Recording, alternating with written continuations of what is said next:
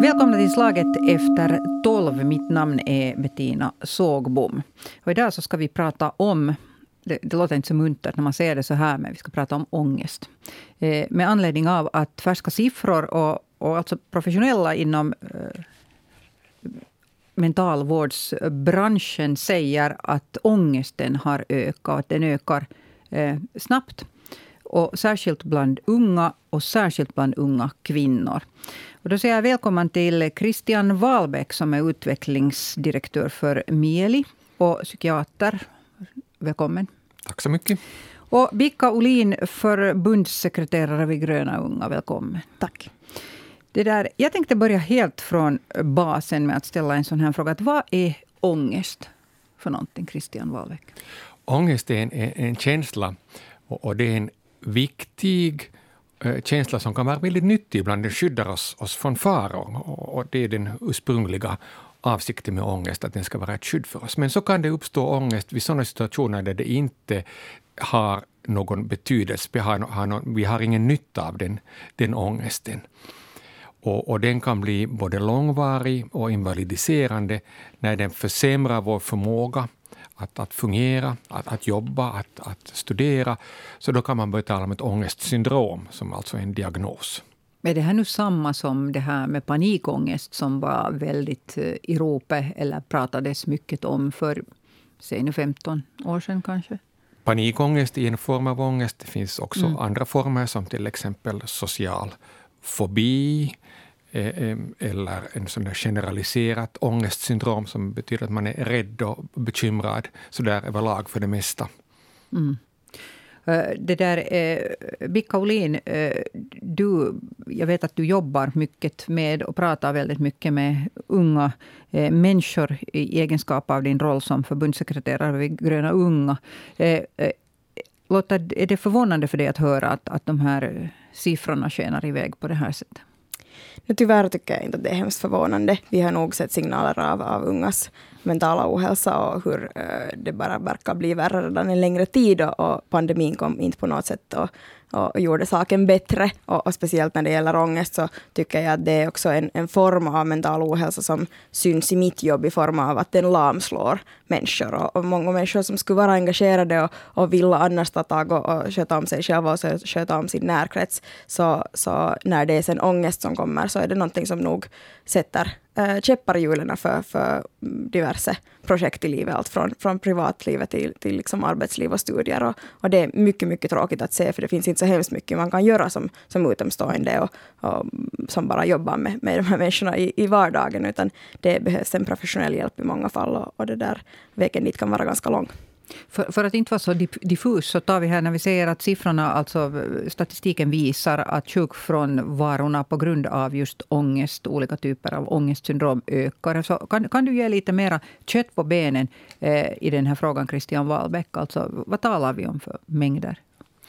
Eh, vi, vi, talar nog om avsevärda mängder. Om vi talar om, om sjukdagar på grund av psykisk ohälsa på årsnivå så talar vi om 17 miljoner dagar i, i, i Finland. Så det, det, är, och det kostar Finland ungefär 11 miljarder euro om året, den här psykiska ohälsan.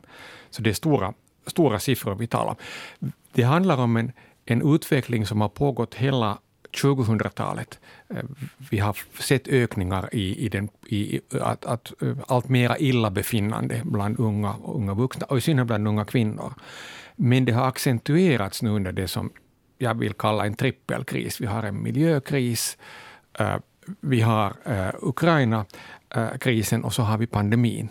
Och det där, den här har nog lagt sten på börda för många. Varför är det just unga kvinnor då som drabbas? Och det sa du att, att det har pågått redan länge, så det var då, då kan vi inte liksom prata ens om Ukraina-krisen på det sättet som någon eh, delorsak till just den biten. Eh, det första man kommer att tänka på kanske är att, att är det så att, att kvinnor reagerar på ett annat sätt än, än män. Mm. Men egentligen, forskning visar på att det här kanske inte är orsaken, utan det är kanske så att omständigheterna är andra för kvinnor än för män. Kvinnor jobbar ofta till exempel i den kommunala sektorn där man mår väldigt illa just nu. Man känner en väldigt stor belastning på jobbet, man känner en väldigt stor otillräcklighet för att man inte klarar av att sköta sitt jobb så bra som man vill.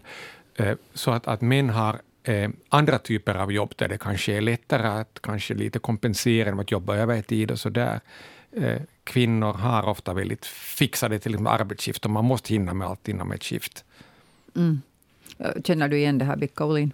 Ja, jag tror inte att det finns någon hemskt enkel svartvit orsak till varför just eh, kvinnor mår extra dåligt, utan jag tror att det är just en, en fråga om många olika faktorer som spelar in. Äh, från då att det finns kvinnodominerade branscher där eh, äh, arbetsvillkoren ehm, äh, är sådana att, att man, man äh, jobbar väldigt, väldigt mycket under väldigt stor press och kanske inte alltid för en sån lön som möjliggör till exempel andra arrangemang i vardagen som sen kan göra vardagen till exempel lite lättare. Och det är säkert en del orsak. Men jag tänker också på både när det kommer till, till kvinnor men också olika minoriteter, så äh, trakasserier och diskriminering och olika andra faktorer som påverkar den mentala hälsan är också en sån sak som vi behöver ta i Men sånt har ju alltid, alltid funnits. Så är det, absolut. Det är inte så att det har uppfunnits nu under de absolut. senaste åren.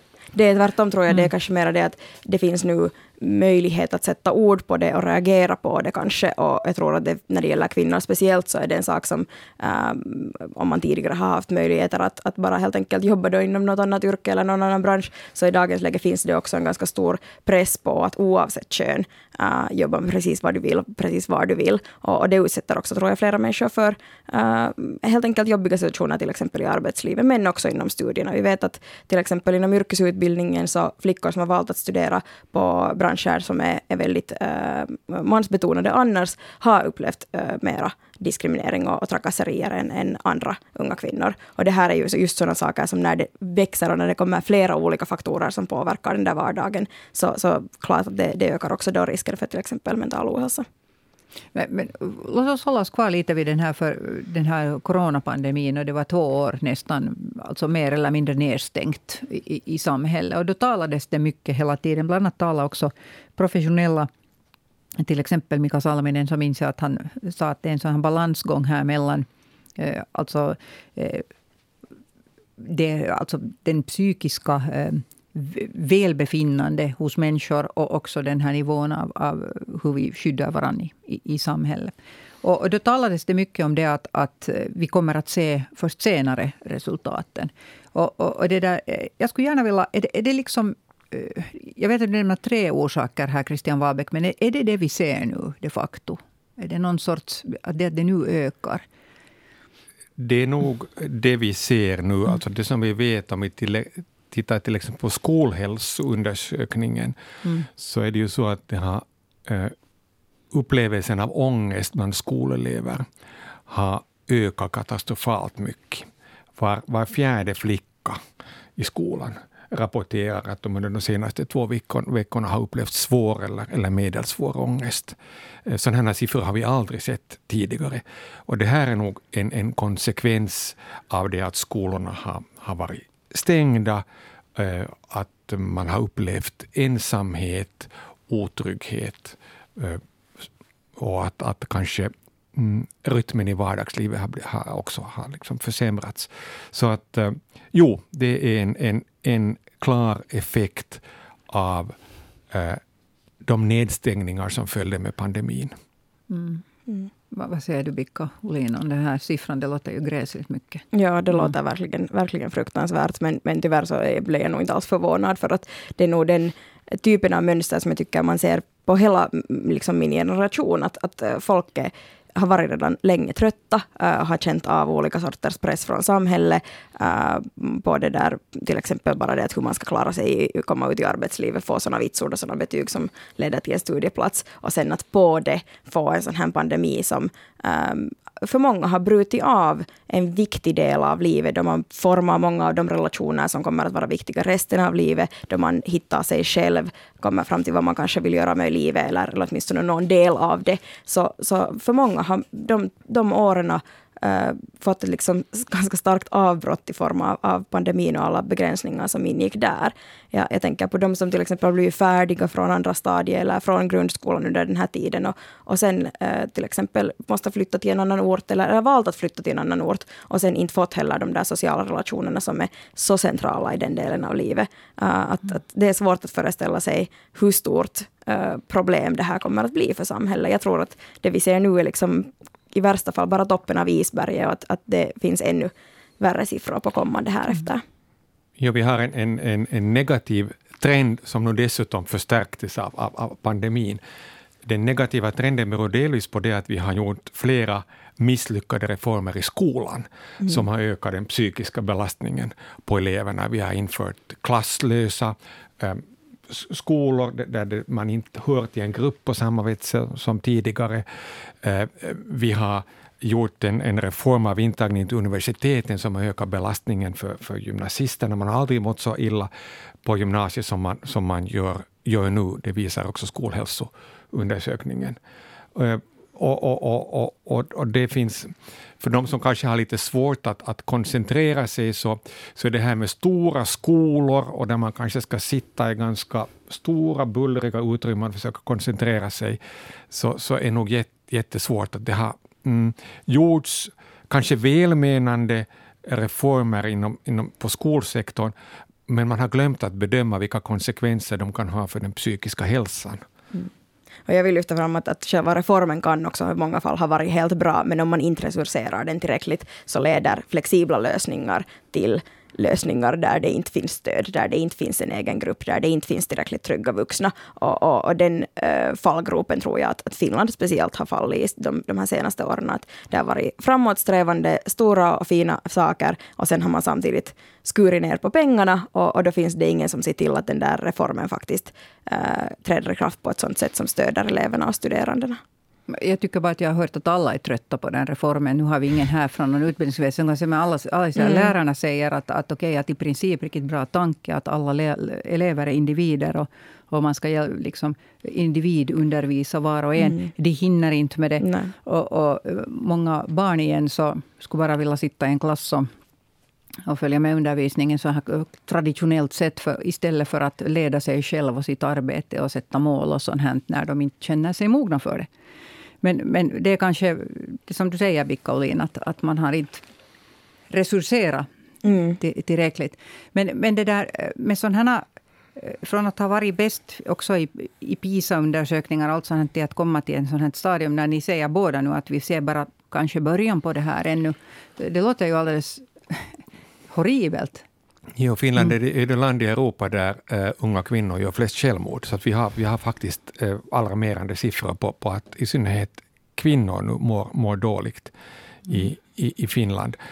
Uh, det handlar, nu är jag psykiater, och jag måste säga så att det handlar kanske inte egentligen om något, det att den psykiatriska liksom, sjukligheten ska öka utan det handlar mera om det att man inte mår bra. Det handlar om en brist på välbefinnande. Det handlar om mycket illabefinnande. Det handlar alltså inte om det att vi skulle ha mass, en, liksom en epidemi av psykiatriska diagnoser. Så är det mm. inte om vi går ut och undersöker. Så det handlar inte om psykiatriska sjukdomar, utan det handlar om illabefinnande. Mm.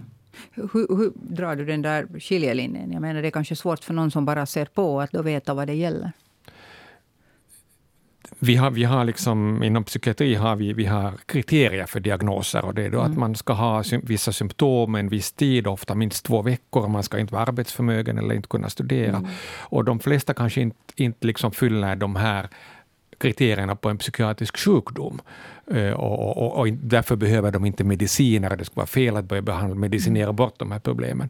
Utan det handlar om en brist på framtidstro. Det handlar om ensamhet.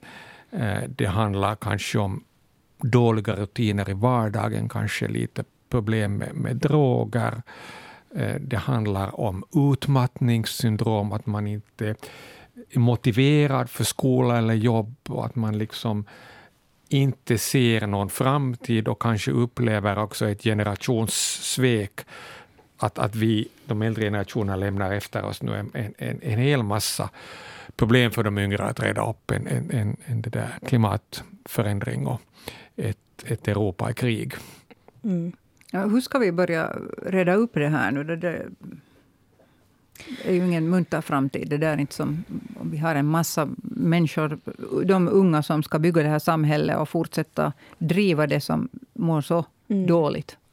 Jag, jag, tänker så här att, att det där i, i på något vis min vardag och för, med, med, min generation, så, så, när man diskuterar så är det mer ett undantag om det är någon som inte har haft i något skede eh, någon slags kris med sin mentala hälsa. Och det berättar ju ganska mycket att, att, det, att, att jag tänker så när jag, när jag relaterar till, till min personal eller till de aktiva unga i, vår, i vårt förbund.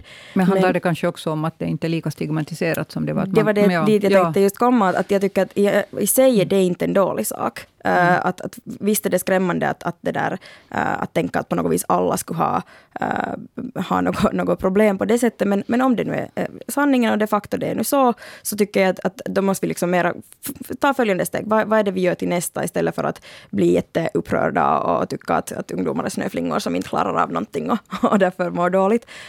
Och, och då tänker jag så här att det finns ganska många nivåer också där vi behöver göra det, den här strategiska, um, liksom stora frågorna i samhället om hur vi tar hand om klimatet, hur vi tar hand om ekonomin, hur vi tar hand om freden i Europa eller freden i världen. Det är en, en jättestor del av det, men det är liksom inte hela svaret heller. Och, och, och det andra är sen också just sådana före, liksom, förebyggande åtgärder i, i ungas vardag, både när det gäller skolan, när det gäller intagningen till högskolan, när det gäller de första stegen i arbetslivet. Det, det, är lite lättare att också åtgärda än freden i världen. De är lite lättare att ja. åtgärda. Och, och, och, det är jätte, jätteviktigt att vi sätter också en, en stor, en, ett stort fokus där utan att glömma att vi också behöver uh, mentalvårdstjänster, både på låg tröskel mm. och sen uh, för, att, för att vi inte kommer att hinna ta, ta kopi på alla, så också sen uh, att verkligen ha också vård när det sen blir uh, psykiatriska diagnoser. Du får gärna korrigera om jag har fel, men jag har förstått att det ändå är så att om vi får tag i problem, uh, liksom ju snabbare vi får tag i dem, så desto lättare de att åtgärda. Men men problem som kan ha börjat vid illamående eller utmattning kan också bli riktigt, riktigt allvarliga om vi inte sen får tag på dem. Mm. Precis så är det. Och, det där och, och, och, och egentligen om vi tittar på de här siffrorna som vi nu diskuterar idag, det är att allt, allt färre unga vuxna blir sjukskrivna på grund av ångest, så tror jag att det finns tre betydande trender bakom det. Det ena diskuterar vi just nu, att det är mindre skamfullt mm. att, att liksom tala om sin psykiska hälsa. Det är lättare att gå till läkare och, och tala om det här och därför blir flera sjukskrivna med den, med den här diagnosen. Sen har vi den, den andra trenden som är, är, är de här förändringarna i arbetslivet, där du nog är utsatt för mera belastning. Det är allt flera system du ska behärska arbetsdagen blir allt mer snuttifierad, det är allt svårare att få koncentrera sig. Vi har också kanske sämre arbetsutrymmen än tidigare. Man ska klara av att sitta i ett stort kontorslandskap. Eh, så det har skett en förändring i arbetslivet som leder till att det blir mera sjukskrivningar, även om sjukligheten inte ökar. Därför att det, det, det, man, man måste vara så i toppskick för att klara av att arbeta. Och det tredje är det som Bicka här talar om, att, att vi har jättedålig dåligt det där utbud av tjänster, av mental, tidiga mentalvårdstjänster, då när man skulle behöva hjälp i ett tidigt skede, när det skulle räcka med att kanske få samtala med någon yrkeskunnig några gånger, så skulle det vara skött. Men det här finns inte, mm. utan istället ska du vänta tills du är så sjuk att du kan få ett B-utlåtande av en psykiater och sätta dig i kö för att få en psykoterapeut, och det kan, det ta, mm. kan ta upp till ett år. Och, under den tiden hinner ju situationen bli jättekomplicerad. Du, du kanske är sjukskriven då, mm. allting, har, allting har liksom blivit mycket mer invecklat. Och behandlingsresultatet blir sämre därför att det har gått längre tid. Mm. Så vi har det vi skulle spara så mycket pengar på om vi skulle få en terapigaranti i det här landet. Som ju mm. ligger i riksdagen för, alltså det är meningen att, mm. att den här saken ska gå framåt. Vi får se hur det går. Det är ju det att allting kostar väldigt mycket just nu på grund av de här men en terapigaranti ja. är en mm. investering. Mm. Mm. Så är det. No, jag är ingen politiker, så jag fattar inte de besluten. Men, men jag, jag tänker så här att, att när, när, du säger, Christian Wallbäck, att, att det skulle gå att åtgärda saken med kanske ett par träffar med någon man pratar med, om man grip, griper in i någonting tidigt. Kan du förklara den där sjukdoms... Eller jag inte kalla det sjukdom, den här ångestutvecklingen. Då, vad, vad är det liksom som händer? Eftersom du säger att, att ett snabbt möte skulle kunna få, få en alltså bättre utveckling. Jo, ångest är någonting mm. som, ett ångestsyndrom är någonting som utvecklas eh, så, så småningom. Eh, ofta är det kanske först en lätt känsla av obehag eller, eller rädsla eller, eller spänning, mm. så kanske du börjar undvika att hamna i ett sånt sammanhang där du upplever den här känslan. Och när man undviker det så blir det i själva verket en ännu större, liksom, en, ett ännu större spöke. Och, och, och, och det här blir något som förstärker sig själv. Till slut kanske du inte vågar, vågar träffa personer eller vågar uppträda, eller vågar gå ut eller vågar gå till butiken ens. Du är rädd för att du ska få sån stark ångest eller panikattacker. Så att, att genom att, att istället eh, våga utsätta sig för de här situationerna så kan man minska på ångesten. Så det är egentligen ganska lite liksom, stöd man behöver för att kanske svänga på sättet att tänka och tänka att det här är något som jag ska, kan träna bort och som jag kan jobba med. Mm. mm. Jag tänker att en lösning på, på de här frågorna som, som vi inte nu har talat om, men som jag tycker att är en ganska stor och viktig fråga, är ju arbetslivets förutsättningar att eh, proaktivt ta upp uh, de här frågorna och proaktivt kunna erbjuda stöd och hjälp. För att jag tänker att, att i det händelseförloppet som Christian just beskrev, så redan en, en bra chef som kan komma in mm. och, och, ge lite stöd och lite uppmuntran och kanske då i, i, ge kontaktuppgifterna till arbetshälsovården och säga att det här är en sån sak som, som man får och ska eh, söka hjälp för, så, så kan redan vara rätt steg här. Men jag tror tyvärr att det är inte hemskt många av våra chefer som ännu är själva riktigt där, där man kan och vet och, och vågar uh, ta, ta ställning i den situationen. Och det detsamma gäller ju då i, i skolvärlden. Liksom, om, om alla lärare skulle ha tiden och ha, ha resurserna och ha kompetensen att, att också vara den där som säger att hej, att nu skulle det vara jättebra att du skulle gå och tala med någon eller att fast det känns ångestfullt så kanske vi ändå gör det här tillsammans. Att, att vet du, få det där stödet av någon, någon trygg där i vardagen kan ha en jättestor betydelse. Och, och det kan vi inte tyvärr åtgärda med något lagförslag eller, eller något sånt, utan det här är helt enkelt någonting som vi alla måste ta med och som jag hoppas speciellt att folk som är i chefsposition skulle, skulle börja förstå. Det förutsätter ju att man ser mm, det här det. problemet. Så är det. Och ju mindre resurser man mm. har på arbetsplatser och i skolor, så desto färre människor finns det som kan se och kan märka. Mm. Det som var väldigt olyckligt med pandemin var ju att den kanske förstärkte ett sånt här undvikande beteende att man hade möjlighet att isolera sig och man behövde inte liksom träna upp förmågan att, att, att vara i sociala mm. sammanhang. Och de som har, kanske har mycket tvångstankar, som också är ett, ett sånt här ångestsyndrom, så kanske eh, det stöddes av tankarna på att det finns då coronavirus runt om oss, man måste tvätta mm. händerna, man måste vara försiktig med hygienen. Det här är något som kanske förstärker kunde förstärka tvångssyndromen hos många. Så det fanns mycket liksom också i den här liksom situationen under pandemin som, mm. som uh, förstärkte ångesten. Också rädslan mm. kanske för att man ska smitta någon eller bli smittad själv. Det ju, kan mm. också ge ångesttankar. Ja. Och kanske också förhållande och relationerna till, till ens närstående. Både, jag känner jättemånga i min relation som har varit jätteoroliga för mor och farföräldrar mm. och, och sina egna föräldrar och, och när andra nära och kära som hör till riskgrupper. Och att behöva undvika eh, sociala kontakter är, är, tror jag inte hemskt bra om du börjar ha något som helst illamående, så skulle det ju vara kanske nimenomaan det som skulle behövas, att du kan träffa någon och någon annan som kan också se dig och höra dig och märka dig. Och närstående är, tror jag, en annan målgrupp som vi också glömmer bort när vi pratar om ungas mentala hälsa, att förutom att den, den unga som berör själv uh, skulle behöva stöd, så behöver också närstående stöd. Jag tänker till exempel på många unga i, i början av sina parförhållanden, som under pandemin har varit under ganska svåra omständigheter när man ska navigera uh, till exempel i sitt parförhållande och den ena eller, den, eller båda börjar må, må dåligt av någon orsak. Så här finns en jättestor målgrupp som jag skulle säga att behöver också ett stort stöd. Och nära vänner och campisar och andra som har en viktig mm. roll när, när någon ung börjar må dåligt och, och isolerar sig där hemma. Mm. Så nu är vi ju i den situationen efter pandemin att, att, att nu borde vi få insatser för att, att stödja den, den psykiska hälsan.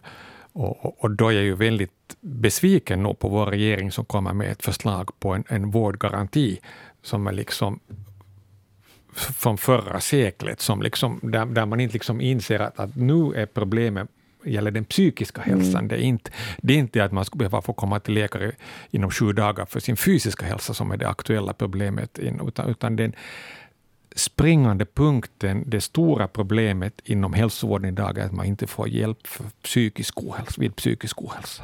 Mm. Och det här har man helt glömt bort när man gör ett förslag på en sju dagars vårdgaranti. Mm. Hur skulle du vilja att det skulle se ut?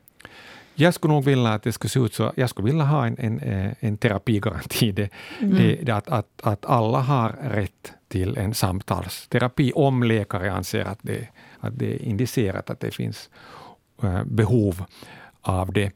Uh, det nuvarande systemet, när det inte finns en sån här garanti, leder ju ofta till det också att, att, att det enda läkaren kan erbjuda är ett pillerrecept. Mm. Och, och, och, då kommer man inte till grund med själva problemet. Vi vet att, att mediciner kan också användas mot ångest, men de ger inte en lika god effekt på lång sikt. Mm som samtalsterapi. Att när du slutar med medicinerna finns alltid risken att symptomen kommer tillbaka. Men med samtalsterapi så kan du få eh, sådana färdigheter som gör att, att, att, du kan bemästra din ångest. Mm. Och i det läget där du redan mår så dåligt att bara att gå till terapin är tungt, så, så kan medicinerna ha den positiva effekten att det är det som får dig att orka gå, men, men terapin är det som hjälper på lång sikt. Och, och jag tror att det är ett jättelångt steg från det att du första gången erkänner att, att du mår dåligt till att du, till att du sitter där och, och har en terapeut och har hela det där eh, redan som det är. Och, och då tror jag inte att det blir lättare ju fler, ju fler människor som, som mår dåligt. Så jag håller absolut med om att vi skulle behöva en terapigaranti. Och det är också någonting som ungdomsförbunden med, med nog så gott som alla äh, av dem i det här landet förespråkar. Jag hade det själv ganska jobbigt när jag var ung vuxen och jag har gått i terapi äh, i 30-årsåldern och, och, och, det, var, det rekommenderar jag nog. Det var väldigt bra för mig och det, det är något som, som har hjälpt mig hela livet. Mm. Det var på en sådan tid då det säkert fanns en massa stigma kring det. Då var det ännu på den tiden, ja. för det är ju ett tag sedan. Ja. ja var, var, du öppen om det?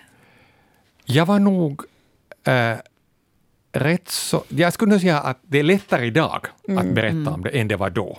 Så det har mm. skett en, attitydförändringen en positiv ja. förändring nog, alldeles, alldeles klart. Det håller jag absolut med om. Jag tror att eh, speciellt bland jämnåriga så är det nog ganska lätt att prata om det och till och med, jag tycker det är inte första gången jag hör någon rekommendera terapi, så det är också tycker jag fint att folk faktiskt inte bara vågar vara öppna om det, utan faktiskt också liksom, uh, stödja andra i att, i att uh, söka hjälp om, om det behövs och när det behövs. Uh, men sen tror jag tyvärr att, att um, det finns också attityder i det här samhället fortfarande som, som gör att det är ganska stigmatiserat med mental ohälsa. Jag vet att det finns många som känner att det är svårt att tala med äldre generationer till exempel. Just i, i rädsla för, ibland utan orsak och ibland med orsak, att, att få den här stämpeln som en sån här ung som inte klarar av någonting och som ska bara behöva skärpa sig och ta sig i, i äh, kragen. Och, och det, den liksom, dynamiken, så länge som den finns kvar, så tror jag nog att, att vi kommer också att ha kvar en massa stigma kring mental hälsa. Så det är också någonting vi behöver bli av med. Mm.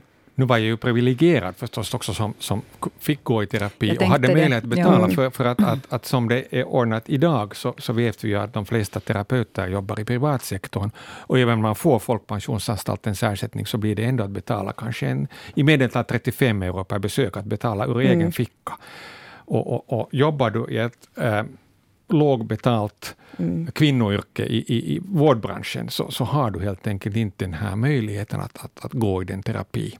Mm. Eh, Eller om du behöva. studerar. Eller om du studerar. För att inte tala om att om du, om du kanske som förälder är orolig för ditt barn och skulle vilja, ja. vilja bekosta det. Så därför kom jag till Vilket, min käpphäst som mm. är terapigarantin, som, mm. som skulle bety- hämta men, terapin till hälsocentralerna. Men den finns inte ännu. Och, och nu talar du själv om att, att siffrorna ökar med, med unga som har ångest. Och, och eh, I värsta fall så fortsätter den öka. Eh, också som, eh, nu, nu, vet jag till exempel, om vi tar helt praktiska problem, så, så hörde jag av en eh, lärare inom universitetsvärlden sa att det är hemskt många ungdomar som har lämnat sina studier på hälft. För att de orkar med nedstängning en tid, men det tog, gästas ändå det tog två år nästan.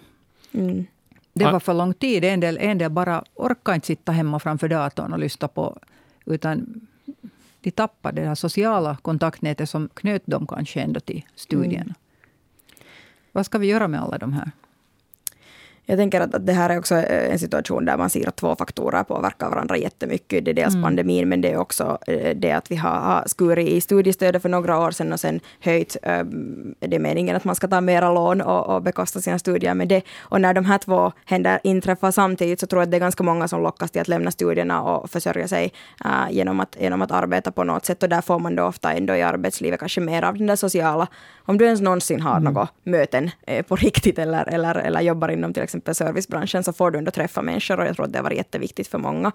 Um, det där, jag tror att folk kommer att hitta tillbaka till, till studierna nu när det börjar på något vis bli normalt igen. Men där tror jag också att högskolan speciellt har ett stort ansvar i att um, fundera på hur man kan göra det mer flexibelt. För det finns säkert också många som vill fortsätta jobba. Och då skulle kanske uh, det vara idealt att kunna studera lite vid sidan om arbete eller, eller jobba lite vid sidan om studierna mm. utan att den här takten blir för hektisk. För då kommer vi tillbaka till det här utmattningsproblemet som också är en, en, en reell fråga. Att, att det är inte hemskt enkelt att orka med båda vid sidan om varandra men, men många kommer säkert att, att välja, uh, eller vilja välja någon slags, någon slags liknande, åtminstone tills vi på, på uh, nationella planet får lite mer finansiering till studiestödet.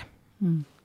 Vad säger du, Christian Wahlbeck, om dem som... Jag, för jag, jag, vet också det att många unga människor så upplever ju sig själv... De är ganska hårda mot sig själva och tänker själva att man är misslyckad. Man klarar inte ens av det. Mm. Att skaffa sig, att gå sin utbildning klar på min tid så var det många som lämnade på hälften och började jobba bara. Inte var det något konstigt mm. med det. Men nu, nu tar man liksom och piskar sig själv för det. Jo, mm. vi har talat väldigt mycket om olika strukturella bakomliggande faktorer, men det som mm. jag ännu vill betona är att man ju också nog själv kan jobba med sin psykiska hälsa och främja sin mm. psykiska hälsa. På samma vis som man kan ta hand om sin fysiska hälsa så kan man också jobba med den psykiska hälsan. Man kan öva sig i medveten närvaro, man kan eh, förbättra sin, sin emotionella kompetens, man kan lära sig hur man löser problem i livet, hur man äh, möter andra människor på ett uppriktigt sätt. Allt sånt här som är viktigt för den, för den psykiska hälsan. Så, mm, och man kan också lära sig att vara barmhärtig med sig själv och, och, och, och kanske fokusera mera på det som man har lyckats med, det som man är bra, det som man har resurser med, istället för att fundera på det som är eh, som är jobbigt och svårt och som man upplever att man har misslyckats med. Så det finns mycket man också som eh, själv kan göra för att främja sin, sin psykiska hälsa. Mm. mm. Nu har vi talat mycket om ångestsyndrom. Här för ett antal år sedan så talade man mycket om att unga var deprimerade.